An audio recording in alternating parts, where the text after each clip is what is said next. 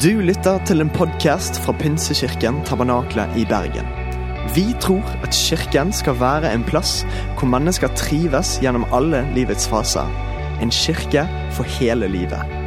Ønsker du å bli bedre kjent med oss eller holde deg oppdatert? Besøk vår Facebook-side eller ptb.no. Her er ukens tale. Vi har nettopp eh, avslutta en eh, serie på eh, fire søndager hvor vi har snakka om kjernepraksiser. Men det er nå engang sånn at apostlenes gjerninger, eller som danskene sier, apostlenes gærninger, som de også var De var litt gærninger, disse apostlene. Det er en fantastisk bok som forteller om Lukas, legen Lukas, deler av det han ser og opplever, som disiplene fikk lov til å være med på. Og Jeg har lyst til å dele litt videre fortellingen enn at de holdt trolig fast ved apostlenes lære, ved fellesskapet, brødsbrytelsen og bønnene. Vi skal også ha brødsbrytelse eller nattverd her i dag, og det gleder jeg meg til. Men jeg har lyst til å se litt mer. Hva var det de hadde? Hva var det de ga videre? Og hva er det vi er kalt til å gi videre i våre liv som kristne? Et liv i etterfølgelse av Jesus er det disiplene fikk lov til å oppleve. La meg få lov til å ta deg med inn i en spesiell hendelse i Peter og Johannes sitt liv. De eh, kommer en dag som eh, denne opp til tempelet for å be. Eh, og Det var en sedvane de hadde. Det betyr at de gjorde det ofte, og de gjorde det regelmessig. Og der møter de en mann som har ligget der fra han var født. Ble han båret dit for å tigge penger og få noen almisser av de som gikk inn i tempelet. Og Peter og Johannes de får en innskytelse fra Den hellige ånd og sier til denne lamme mannen når han ber om almisser Sølv og gull har jeg ikke, men det jeg har, vil jeg gi deg. I Jesu Kristi Nasarerens navn, reis deg og gå. Og så ser vi hvordan den lamme mannen får krefter i kroppen, reiser seg opp, noe han aldri hadde gjort før i livet. Og så går han, og så springer han, og så lovpriser han Gud. Hva var det Peter og Johannes hadde fått, som de skulle gi videre? Det vi har, det gir vi deg. I Matteus 28, 18-20 så står det at Jesus trådte fram. Han talte til dem. Jeg har fått all makt i himmelen og på jorden. Gå derfor ut og gjør alle folkeslag til disipler. Døp dem til Faderens, Sønn og Den hellige ånds navn, og lær dem å holde alt det jeg har befalt dere. Og se, jeg er med dere alle dager inntil verdens ende. En tid før dette så er Jesus sammen med disiplene sine i det som vi kaller for skjærtorsdagen før lidelse og død. Og Der ber han en bønn til sin far i himmelen i Johannes kapittel 17. Og han ber sånn som dette. Far, sånn som du har sendt meg til verden, har jeg sendt dem til verden. Jeg ber ikke bare for dem, altså disiplene, men også for dem som gjennom deres ord kommer til tro på meg. Legg merke til hvordan Jesus bare gir det videre til disiplene med den hensikt at de nå skal gi dette videre til de som de møtte. Etter at Jesus hadde stått opp igjen fra de døde, så møter han disiplene igjen og han sier til dem i Johannes 20, 21, Igjen sa Jesus til dem, Fred være med dere. Som Far har sendt meg, sender jeg dere. Og så åndet han på dem og sa, Ta imot Den hellige ånd. Jeg tenker som så at Han kunne ikke si det før Jesu døde oppstandelse. Fordi etter Jesu døde oppstandelse så var ånden der. Og de fikk lov til å oppleve akkurat som å bli født på nytt gjennom dette. Og så sender han dem ut. Som far har sendt meg, sender jeg dere. Peter og Johannes, etter at de hadde reist opp denne mannen som aldri hadde kunnet gå hele sitt liv, så eh, var det ikke alle som likte det. Fariseerne og saduseerne tok han inn for rådet og eh, nekta at de skulle få tale mer i Jesu navn. Med hvilken rett og med hvilken myndighet gjør dere dette? Og så sier Peter og Johannes til dem dere får sjøl velge hva som er riktigst å gjøre, og lyde dere eller Gud først. Men vi, sier han, vi kan ikke la være å tale om det vi har sett og det vi har hørt. De hadde vært for lenge sammen med Jesus. De hadde hørt for mange taler av Jesus. De hadde sett for mange under og tegn og mirakler av Jesus til å på en måte kunne si at dette eksisterer ikke, dette har vi funnet på. Nei, det var til og med sånn at alle disiplene, unntatt Johannes, var, ble martyrer for sin tro. De gikk åpent inn i martyrium uten å nekte for troen på Jesus fordi de hadde sett, de hadde opplevd det som de forkynte. Og Noe av det ser vi når Peter skal eh, være hos eh, en som heter Kornelius, en, eh, en militær, som hadde hatt en drøm en natt. Det var jo sånn at Jøder og hedninger de hadde jo ikke relasjoner med hverandre. og eh, kan du lese litt mer om etterpå, men det var jo sånn for en, hed, for en jøde å gå inn til en hedning, det var liksom, da ble man uren. Eh, og Peter han eh, var et sted sammen med en garver, altså de som driver med skinn og sånn. Eh, og Oppå taket der så venta han på middagen. Og jeg vet ikke hvordan det er når du venter på middagen og er skikkelig sulten. Her inne begynner å rumle og pipe og, gnage.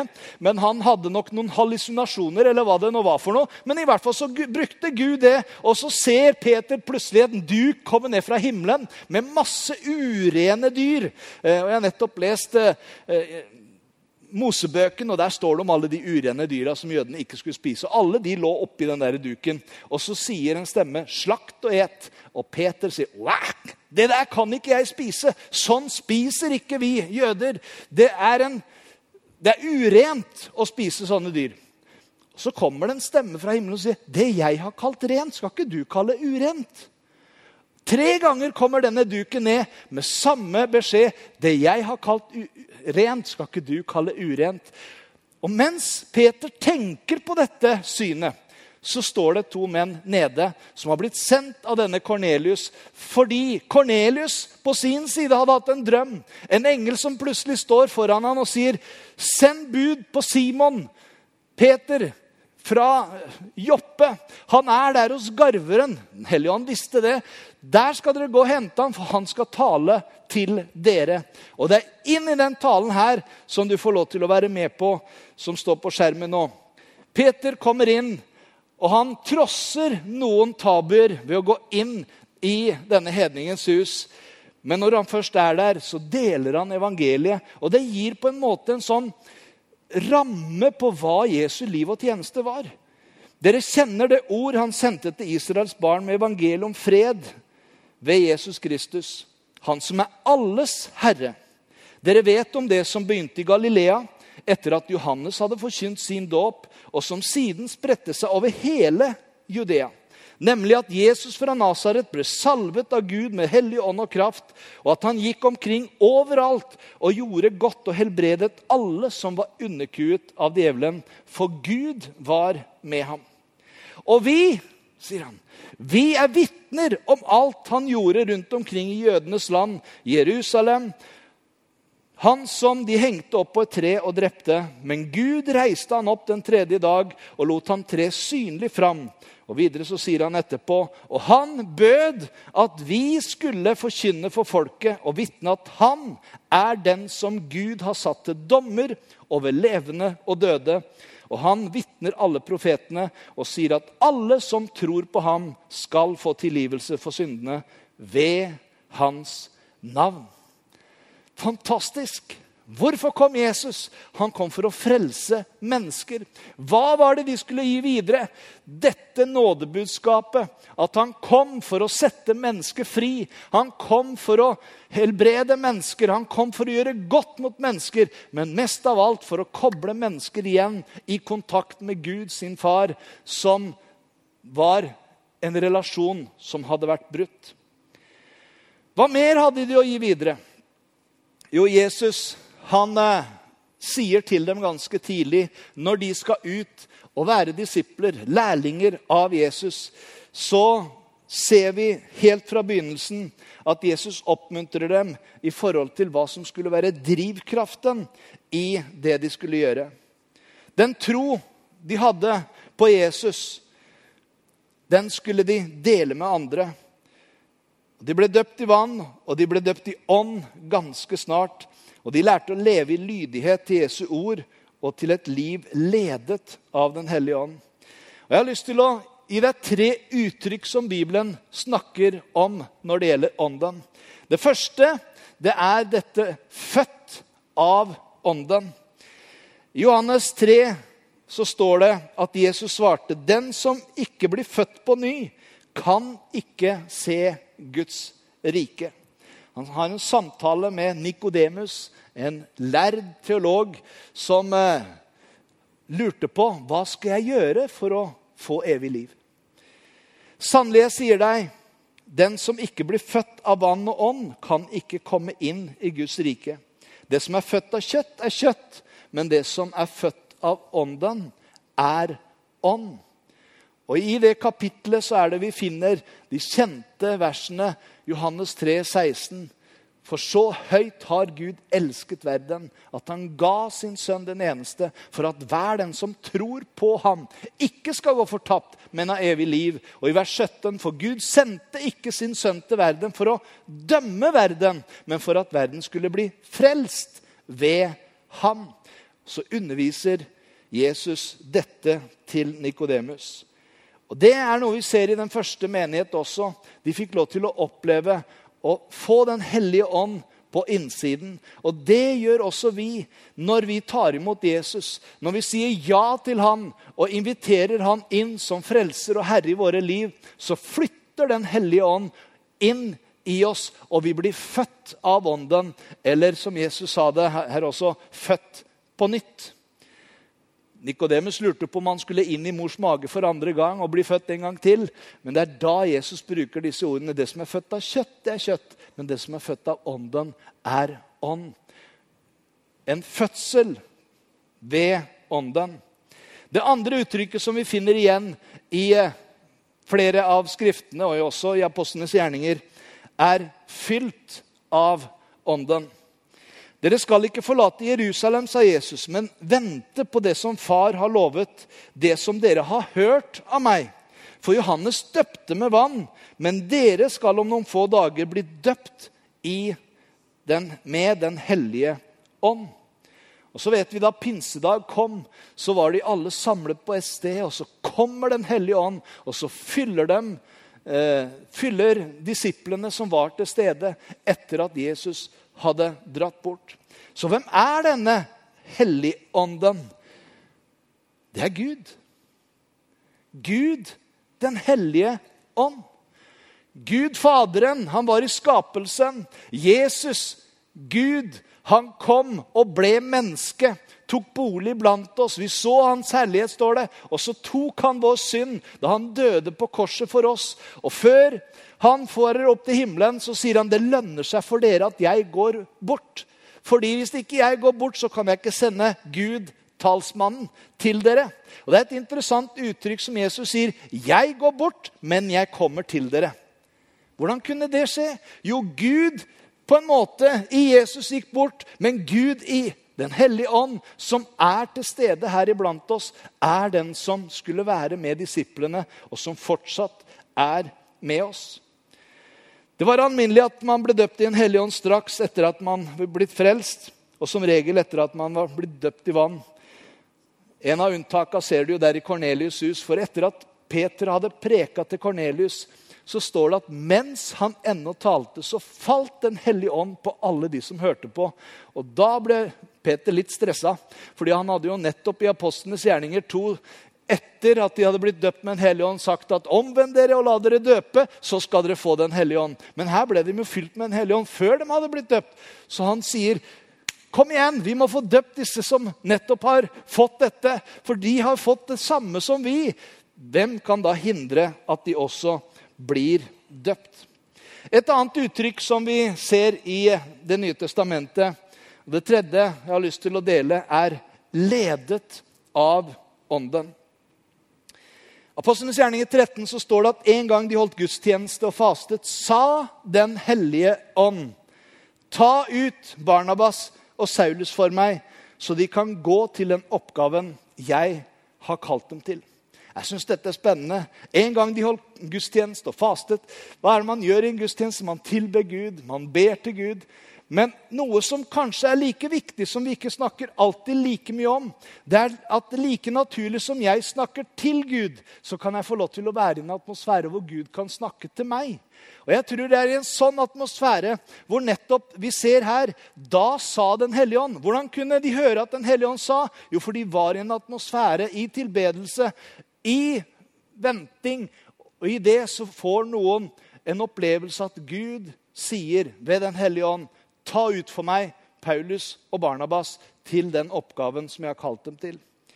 Og Så ser du hvordan Den hellige ånd fortsatte å lede apostelen Paulus i tjeneste. I eh, Apostlenes gjerninger 16 så ser vi at om natten hadde Paulus et syn. Han så en makedonier som sto og kalte på han og ba Kom over til Makedonia og hjelp oss. Og Da hadde, han hadde hatt dette synet, forsøkte vi straks å komme til Makedonia. Hvorfor det? For vi skjønte at Gud hadde kalt oss til å forkynne evangeliet der. Legger du merke til igjen hvordan Den hellige ånd leda? Og Det interessante er at rett før dette, eh, vers, disse versene som jeg leser her, så står det at Paulus og Barnabas og disiplene som fulgte, de fikk en kjempeidé. Nå skal vi ta Asia. Nå går vi inn i Asia, så forkynner vi evangeliet i hele Asia. Og så får de også høre evangeliet. Men da står det noe interessant at Den hellige ånd ga dem ikke lov til å dra. Hmm. Så Den hellige ånd både oppmuntra til det de skulle gjøre, men også stoppa dem når de gikk litt for fort fram. For det var ikke timingen ennå å gå inn i Asia. Og så ser vi at Europa for evangeliet isteden. Makedonia er på en måte en del av inn i Europa. Og Så ser vi etterpå hvordan de tar by for by inn i Europa. Og Mens de er i Efesus, så starter de rett og slett en bibelskole. Tyrannus' skole. I tre år underviste han der, står det. Og mange kom og ble undervist av Paulus og de andre i ordet. Hva ble resultatet av de tre åra der? Jo, det står de som hadde fått ordet, de gikk til hele Asia, og Asia fikk høre evangeliet. Tenk Istedenfor at Paulus skulle løpe rundt overalt, så var det plutselig masse disipler som løp til Asia, og Asia fikk høre evangeliet. Ser du hvordan timingen og hvordan Gud leder både stopper og, og sier nå kan du gå, nå må du vente litt. Og, og det å leve i det spennet, det er kjempespennende å få lov til å oppleve det er slitsomt av og til, for av og til så vil vi løpe litt foran Gud eh, og, og, stange litt hodet i veggen. Og så tenker vi liksom ja, men Hvorfor er det ikke åpent nå? Kanskje ikke det er helt Guds timing ennå. Men så ser vi hvordan Gud leda hele veien. Disiplene de var ledet og drevet av Den hellige ånd. Og så delte de troen på Jesus der de var. Hver kristen var opptatt av å dele troen med andre og hjelpe andre til å ta imot frelse ved Jesus Kristus. Så ivrige var de at det hver dag står det, ble lagt nye til menigheten. Og Da skjønner du at det er ikke én som står på torvet og preker. Når det hver dag ble lagt nye til menigheten, da var folk i bevegelse. Og flere som hadde opplevd frelse, var med og delte. På gjerninger 2,46 så står det at de holdt sammen, og hver dag samlet de seg trofast på tempelplassen i hjemmene brøt de brødet, og de spiste sammen med oppriktighet og inderlig glede. De lovet Gud, og alle satte pris på dem. Hver dag ble nye mennesker frelst, og Herren la dem til menigheten. En liten sånn eh, fun fact. Jeg har mange ganger tenkt at eh, de samla seg i tempelet og i menigheten. Eller i hjemmene. Helt til jeg liksom skjønte at tempelplassen er jo ikke tempelet. Tempelplassen, hva er det for noe? Jo, det var egentlig markedsplassen. Der hvor folk var. Tempelet var tempelet. Der kunne de gå inn. Men forgården, eller markedsplassen, den var foran tempelet. Altså der folk var. Og jeg tenkte på det. Hvor er det folk er i nærheten av oss? Naboer, kolleger, kanskje kjøpesentrene, kanskje Torgallmenningen, hvor det går folk hele tida, kan på en måte sammenlignes med der folk er. Der var de kristne og delte frimodig evangeliet. Og så tok de det med seg hjem.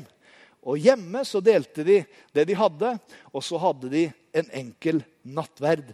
Så forklarte de hvorfor de gjorde det, for å minnes det Jesus hadde gjort for dem.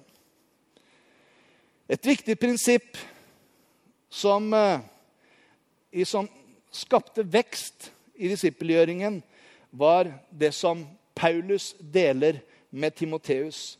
Han sier det på denne måten her, og jeg har laget en liten pil som viser deg hvordan det øka på.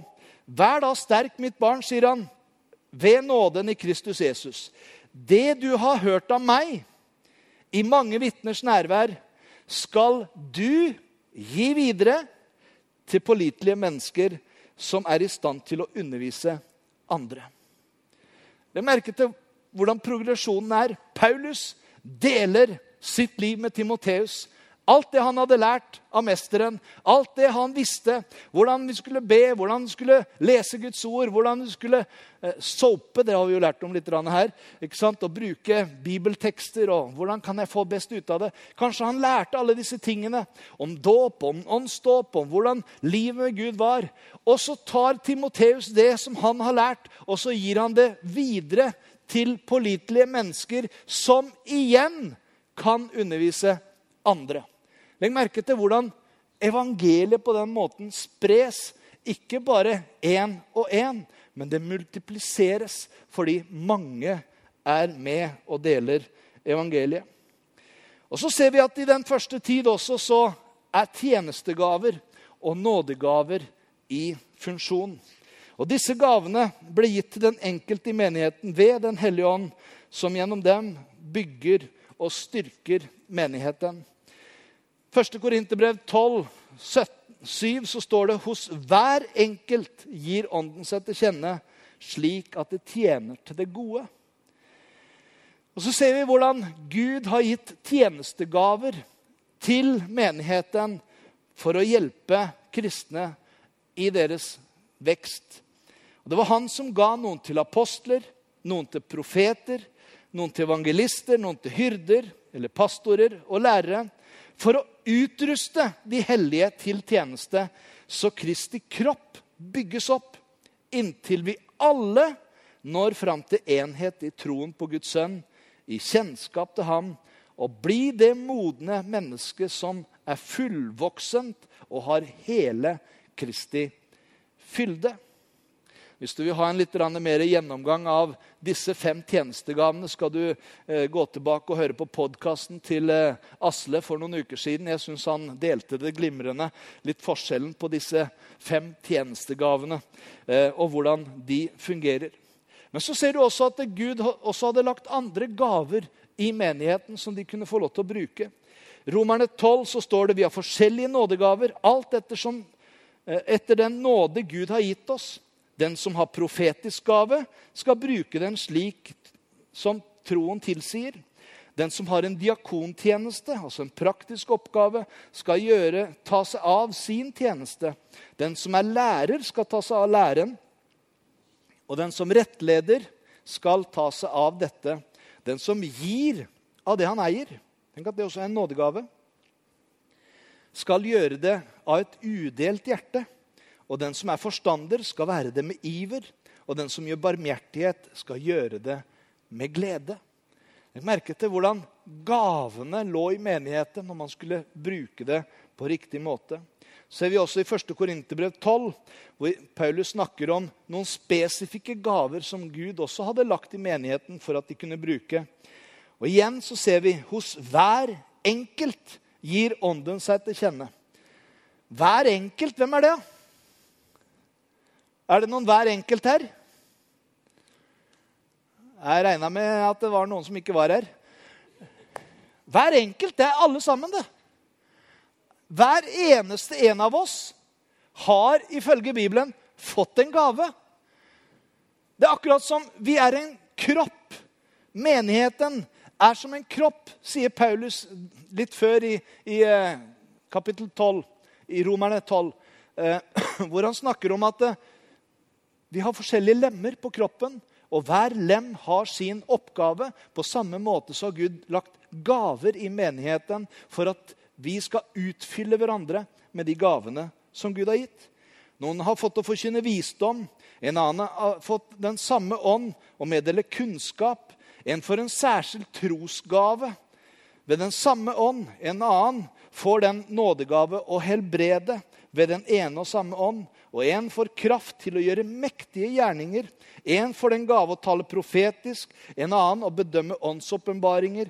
En får ulike slag av tunger, en annen får tydning av tunger. Og så står det til slutt Alt dette virker den ene og samme ånd, som deler ut sine gaver igjen til hver enkelt, slik han vil. Så ser vi videre hvordan eh, livet til disiplene var. De levde i sine hverdager. De var ute blant folk. Og når de hørte om mennesker som hadde det vanskelig, så sa de vi tror på en som kan. Som kan gjøre mer enn det vi forstår. Som kan eh, gjøre langt utover det vi ber om. Og så spurte de kan vi få lov til å be for dere. Og Vi ser i hele apostlenes gjerninger hvordan under, mirakler og tegn skjedde hele tiden ved apostlenes hender. Jesus hadde sagt at disse tegn skal følge den som tror. Så tegnene de er bygd opp på troen på Jesus. Vi kan ikke gjøre tegn og under, men han kan gjøre det. Og vi kan få lov til å samarbeide med han i å lyde det han ber oss om å gjøre. Jeg kan ikke helbrede noen. Men jeg kan gjøre det Jesus har bedt meg om å gjøre. Legge hendene på de syke og be for dem. Og så har han sagt at han, troens bønn, skal redde den syke.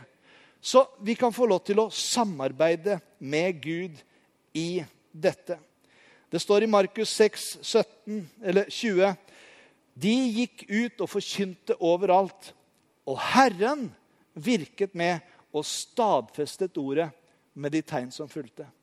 Disiplene de delte det Jesus hadde sagt, og så var Jesus der sammen med dem ved Den hellige ånd, og så virka han under og tegn. Og miraklene de ble virka fram ved troen på Jesus. Når, eh, Tilbake til historien om Peter og Johannes, så står det der at etter at de hadde vært inne til forhør, eh, så ble de spurt ved hvilken makt og ved hvilken myndighet har dere gjort dette? Og I kapittel 3 Apostlenes gjerninger 3.16 så står det ved troen på Jesu navn har dette skjedd. For det navnet har gitt styrke til denne mannen, som dere både ser og kjenner. Den tro vi får gjennom dette navnet, har gitt denne mannen full følelighet igjen, slik dere alle kan se. Legg merke til at Miraklene de ble virka frem ikke fordi disiplene hadde spesielle evner. Nei, det var ved troen på Jesus. Ved det navnet, ved den kraften, ved det at han hadde sagt 'Meg er gitt all makt i himmel og på jord'. Derfor skal dere gå og forkynne evangeliet, og jeg skal være med dere hver eneste dag. På den annen side så skapte miraklene tro. De ble gjort ved tro, men også for den som ikke trodde, så ble de troende da de så de tegn og under som skjedde. Og Det er resultatet av denne hendelsen her også. Etter at Peter og Johannes kommer ut, så er det stimla sammen tusenvis av mennesker på utsiden der i tempelplassen. Og De må opp i trappetrinna der. Og folk spør Wow, dere er fantastiske. Så sier han, Peter, ikke se på oss. Det er ikke vi som har gjort det, men det er han. Han som dere korsfestet. Han har Gud gjort til Herre og Messias og Frelser. Og det er i troen på hans navn at dette har skjedd. Og så står det fantastisk der. Mange av dem som hadde hørt budskapet, kom til tro. Og tallet på menn var nå omkring 5000. Fantastisk vekst. På pinsedag var det 3000 som ble frelst. Her var det 5000 til som kom og ble frelst. Og etterpå så var det mange flere. Jeg tror Matteus, som kanskje var en av de som fulgte tellinga eh, Ikke så lenge etterpå dette så hadde de blitt fengsla og ut igjen og forkynt igjen. Og det står et stort antall mennesker tok imot evangeliet. Da han mista tellinga. Og det var en kjempevekst pga. det de så og det de gjorde. Også på den tiden var det de som reagerte negativt på det som skjedde. Skriftlærde og parisere og andre som man kanskje hadde forventet en positiv holdning fra. Men det stoppa dem ikke. Miraklene fikk folk til å sperre øynene opp og gjorde det slik at de begynte å undersøke nærmere hvordan dette kunne ha seg. Og På den måten ble det åpnet for forkynnelse, og de kunne ta imot evangeliet. Sånn som i dette eksempelet vi så. Til slutt så har jeg bare lyst til å si litt om gudstjenestelivet. Når de kom sammen, så står det helt enkelt der når dere kommer sammen, har en en salme, en annen et ord til lærdom. En har en åpenbaring, en en tungetale, en annen en tydning. Men la alt skje til oppbyggelse. Tenk om vi kunne tenke på det når vi er sammen, enten hjemme hos hverandre eller i gudstjeneste. At alt det vi gjør, la det være med å bygge opp til oppbyggelse. Og Vi blir kanskje forbausa når vi ser den friheten som råda i den første menighet. Men det var likevel en åndens orden der, og lovsangen var veldig viktig. Så viktig at når Paulus skal undervise feserne, så sier han drikk dere ikke fulle på vin, for det fører til utskeielse.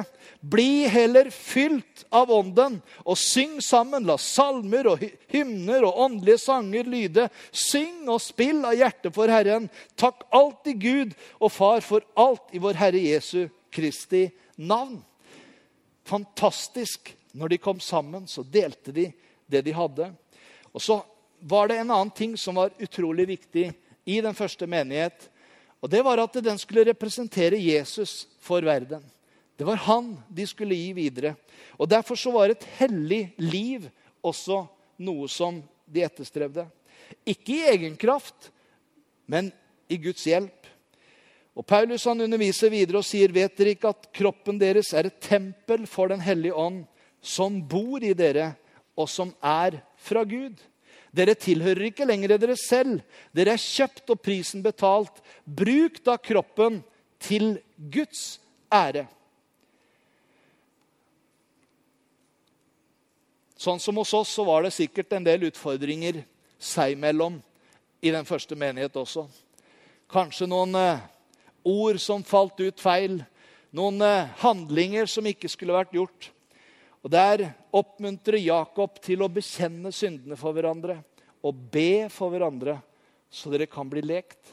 Ingenting som er mer ødeleggende enn ting som ikke er gjort opp, synd som ikke er bekjent, ting man har gjort mot hverandre som man ikke har på en måte bedt om tilgivelse for, eller fått tilgivelse for.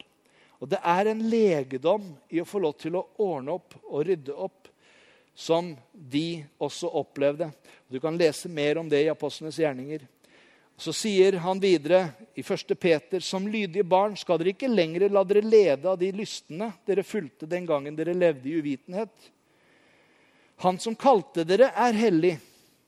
Slik skal også dere være hellige i all deres ferd. For det står skrevet, dere skal være hellige fordi jeg er hellig. Dere påkaller Gud som far, han som ikke gjør forskjell på folk, men dømmer enhver etter hans gjerninger. Da må dere også leve i gudsfrykt den tiden dere ennå er her som fremmede. Disiplene de levde også i en forventning om at Jesus skulle komme igjen. Før han sendte dem ut, så sto de på Oljeberget idet Jesus farer opp til himmelen. Og To engler står plutselig sammen med dem og sier, 'Hvorfor står dere og ser opp mot himmelen?' Denne Jesus som ble tatt opp til himmelen fra dere, han skal komme igjen på samme måte som dere har sett han fare opp til himmelen. Og De levde i en forventning av dette og hadde det med også i sin undervisning. Sånn som eh, Paulus til tesalonikerne underviser dem og sier at det kommer en tid hvor de skal få lov til å oppleve dette. Sier, dette sier vi med et ord fra Herren. Vi som nå lever og blir tilbake til Herren kommer, skal slett ikke komme før dem som er sovnet inn, altså de som er døde allerede i troen på Kristus. For når befalingen lyder, og det høres et rop fra overengelen, og støt i Guds basun. Da skal Herren selv stige ned fra himmelen, og de som er døde i troen på Kristus, skal først stå opp. Deretter skal vi som er tilbake, bli tilbake og fremdeles lever, sammen med dem rykkes opp i skyene i luften for å møte Herren, og så skal vi være sammen med Herren for alltid. Og så står det ikke 'skrem da hverandre med disse ord'. Nei, det står 'trøst da hverandre med disse ord'. Jesus kommer igjen.